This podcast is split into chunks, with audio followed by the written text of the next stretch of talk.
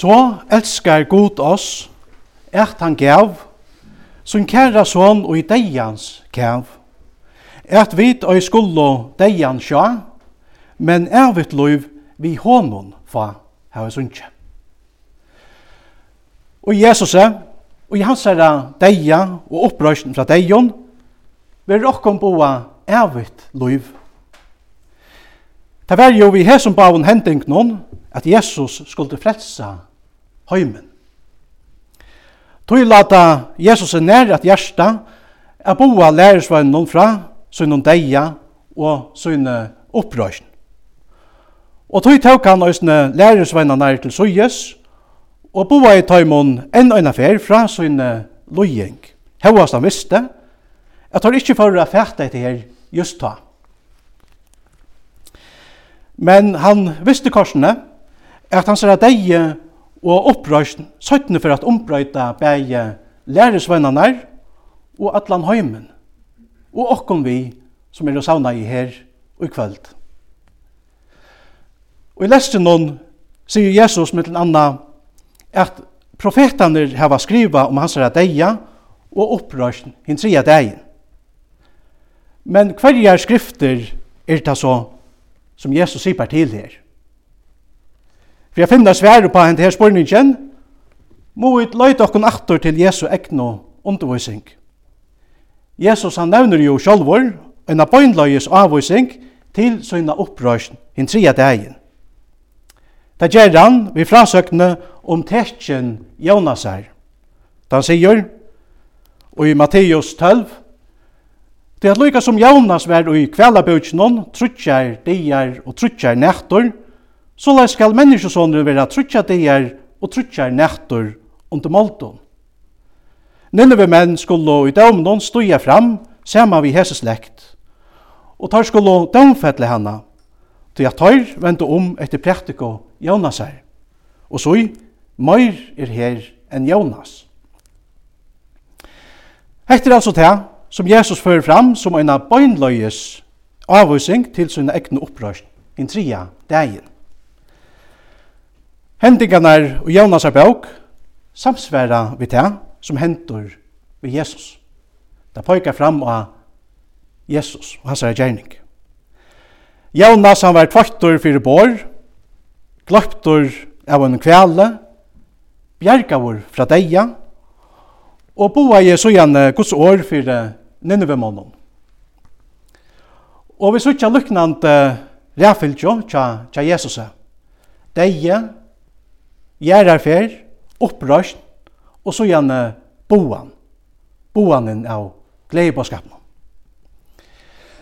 Vi vil kjent Jonas så ikke vet hvordan Gud sender en kvæl for å gløypa Jonas og bjerke honom fra drukne deia.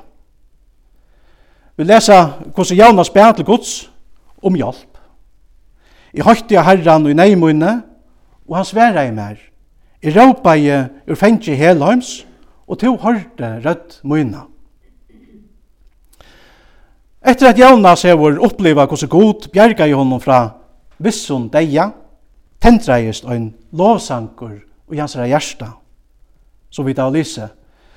Men jeg vil vi lovsanki offra til tøyn, og halda til og jeg har vi høyt. Hjelpen kjemur fra herranom. Nærdegja opplevingen tja Jonasse, hans er bjergjeng og afturkoma til Luive, pekar fram imot Jesu endaliga sikre i grøvne. Ta han sjálfur veri røstur upp fra deion. Lykka som Jonas var bjergaur fra deia, og lykka som Nineve menn vente omvekna hans herra praktiko, så er det òsne vi vikjante Jesusa. Tekjen Jonasar sipar altså til tvei ondur. er undre, hin tria dagen, og så omvendingar ondre til nå. Tvei under. Men vi vil kjente Jonas er vörda øynens nynneve menn som vente om. Vi vil kjente Jesus er det her at møte en åteljande håpor av menneskjon som enkra sine synder og vente om til Guds. Omframt til og Grøvna, og av søgna seg fire lærersveien noen, gømte Jesus øsne til, til søgnast, som av mengan hatt kan sigast av være hitt største ondre. Det største ondre er av dem ødlom. Høytningene byrja jo at enkra sina synder og at venda om. Det er størst ondre. Og de ondrene henta øsne i det, Mennesker venter øyne om tan dagen og i dag. Jonas opplevde òsle av deia, òsle av gjerarfer, òsle av opprøsn, og fyrir sujane til Nineve vi Guds åre, det som han var sendur av boa. Men vi Jesus er talan om Møyra enn det, som hendte vi vikjante Jonas. Ja, Jesus er talan nemlig om verlian deia, verliga gjerarfer og verliga opprørsn. Og nå bjør han til og mer, og øtlån høymenon, av verliga og evige frelse. Det er verligt. Og det kan han òsne gjøre her i kvöld. Tog at han er langt og gynnsje nyan til Jerusalem. Han løy og døy, døye i okra sted. Røys opp fra deion, og vann okkon syndana fyrirgjeving og evigt liv. Han er langt og gingen nyan til Jerusalem. Alt hetta at fætta og lærersvennene er ikke hendt her dagen utanfor Jerusalem. Men det gjør det da korsene 17. Og det gav dem om en nutja og livande vevn. Det samme vevnen som vi østner er i savner om her i kvöld. Peter var til dømes, øysen i øyn, som ikkje fætta i hekta som Jesus sier. Her måte vil han helst heva at Jesus ikkje skulle loja og dødja. Ta Jesus av fyrsta sinne talar om sina lojeng, tok Peter enda Jesus til suyes og sier vi han, Nei til god, Herre, aldri veri der hekta fire.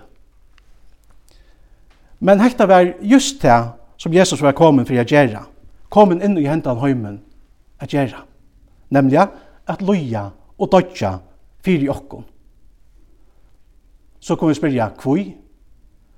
Svære, og godt svær, finna vi tja Johannes i kapittel 3, vers 16. Her han sier, Tui, jeg så elskar jeg god heimen, at han gav sonsun hin øynbarna, til tess at øyne kvar som trøyre han, ikkje skal glættast, men hava evet loiv. Okra loiv, okra frelsa er sera dorskjept.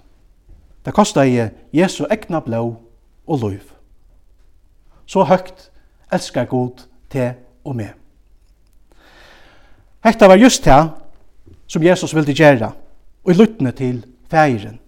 Han var lojen til deia, ja, til deia av krosset, som Paulus sier det. Vi tar var en god som elskar okkon møyra enn vi nekrant vi kunne fæta. Og som er vilje til å rinda den største prysen for å bjerga tær og mer. Og i bøkene vi hånden ut av Golgata skriver Fredrik Vissløf så løys. Han spyr, Nær byrja jeg Jesu pynsensøva? Sverre kan være hekta. Ta han i avlaika noen og luttne jotta jeg at loja fyrir heimsens synder. Paul Gerhard hefur hugsað sær eina samrøvu mittle færin og sonen om sin tømsins og sottagerna. Færin sigur, Fær sonur mun til pynslo og i tørra stær som kvenn ein der mun vrøye skuld rekka. Og pynsla svar ter møkta skal om heimsins frelso stendur vel. Vilt du ta at tekka? Spyr færin.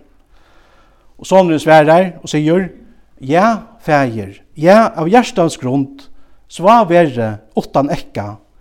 Lett koma best din svara stund, i deians drikk vil drekka. Öll heimsins pynsla vera sjå, han sverar, fægin, jeg vil gå, og i luttne pynsla bæra. Så løys løyser tuske presteren, Paul Gerhardt, årsøkna til at Jesus gonger nian til Jerusalem.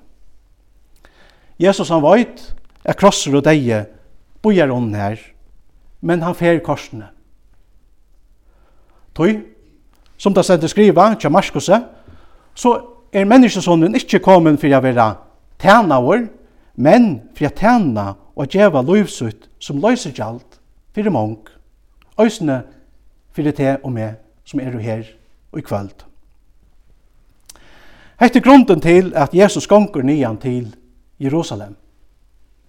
Så det ligger øyelig nekk i Jesu, at Jesus gonger til Jerusalem mot krossen.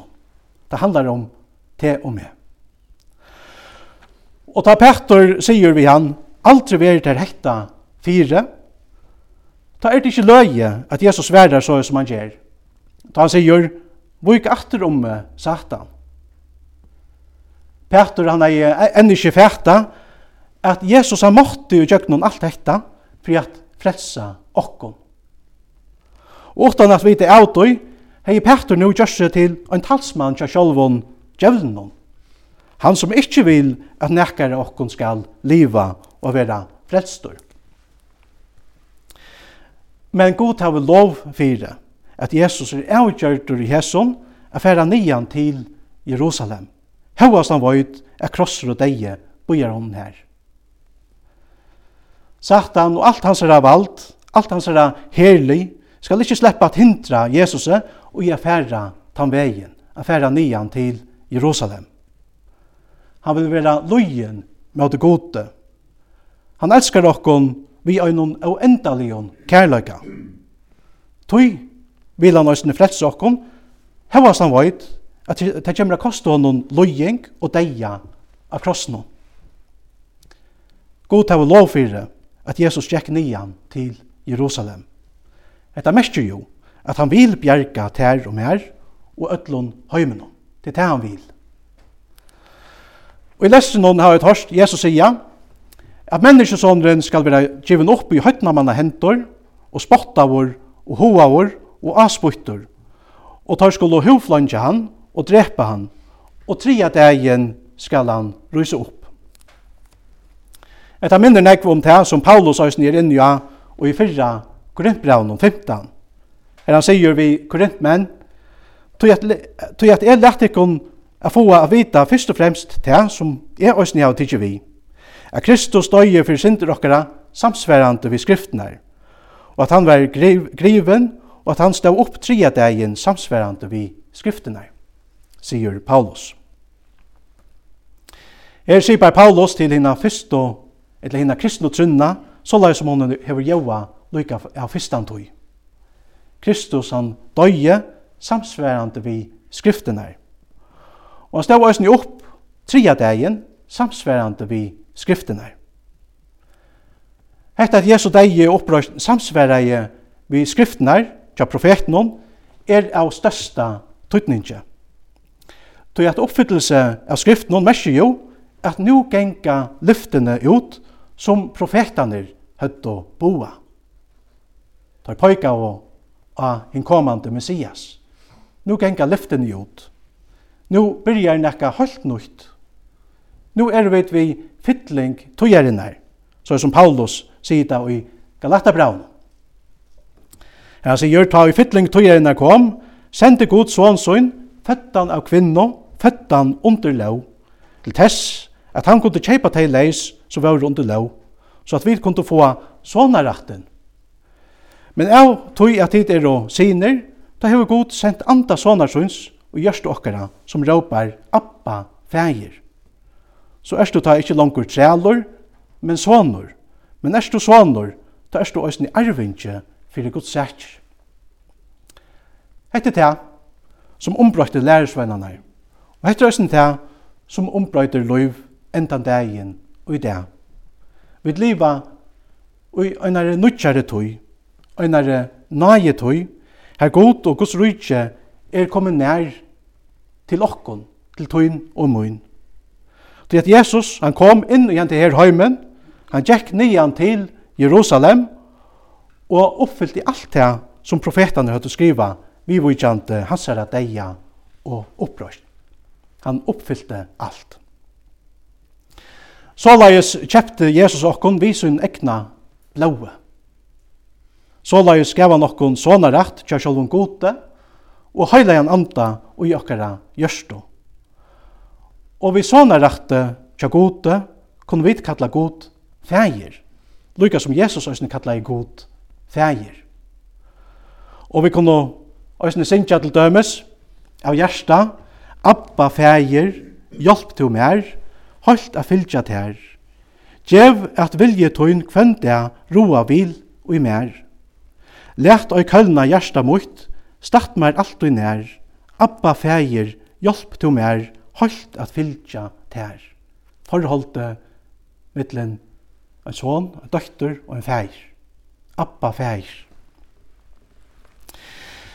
Vi sånne rette tja gode og heilavn anda i okkar i gjørstånd, er vi ikke langer trealer tja sindni og dømt til en eunløyga bostur fra gode.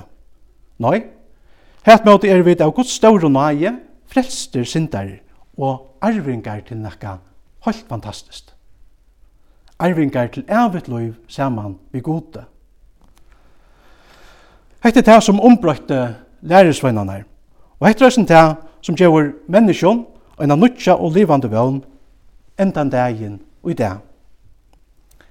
Om Jesus ikkje var ferdig nian til Jerusalem, ta hei ikke av større frelse over til verleika.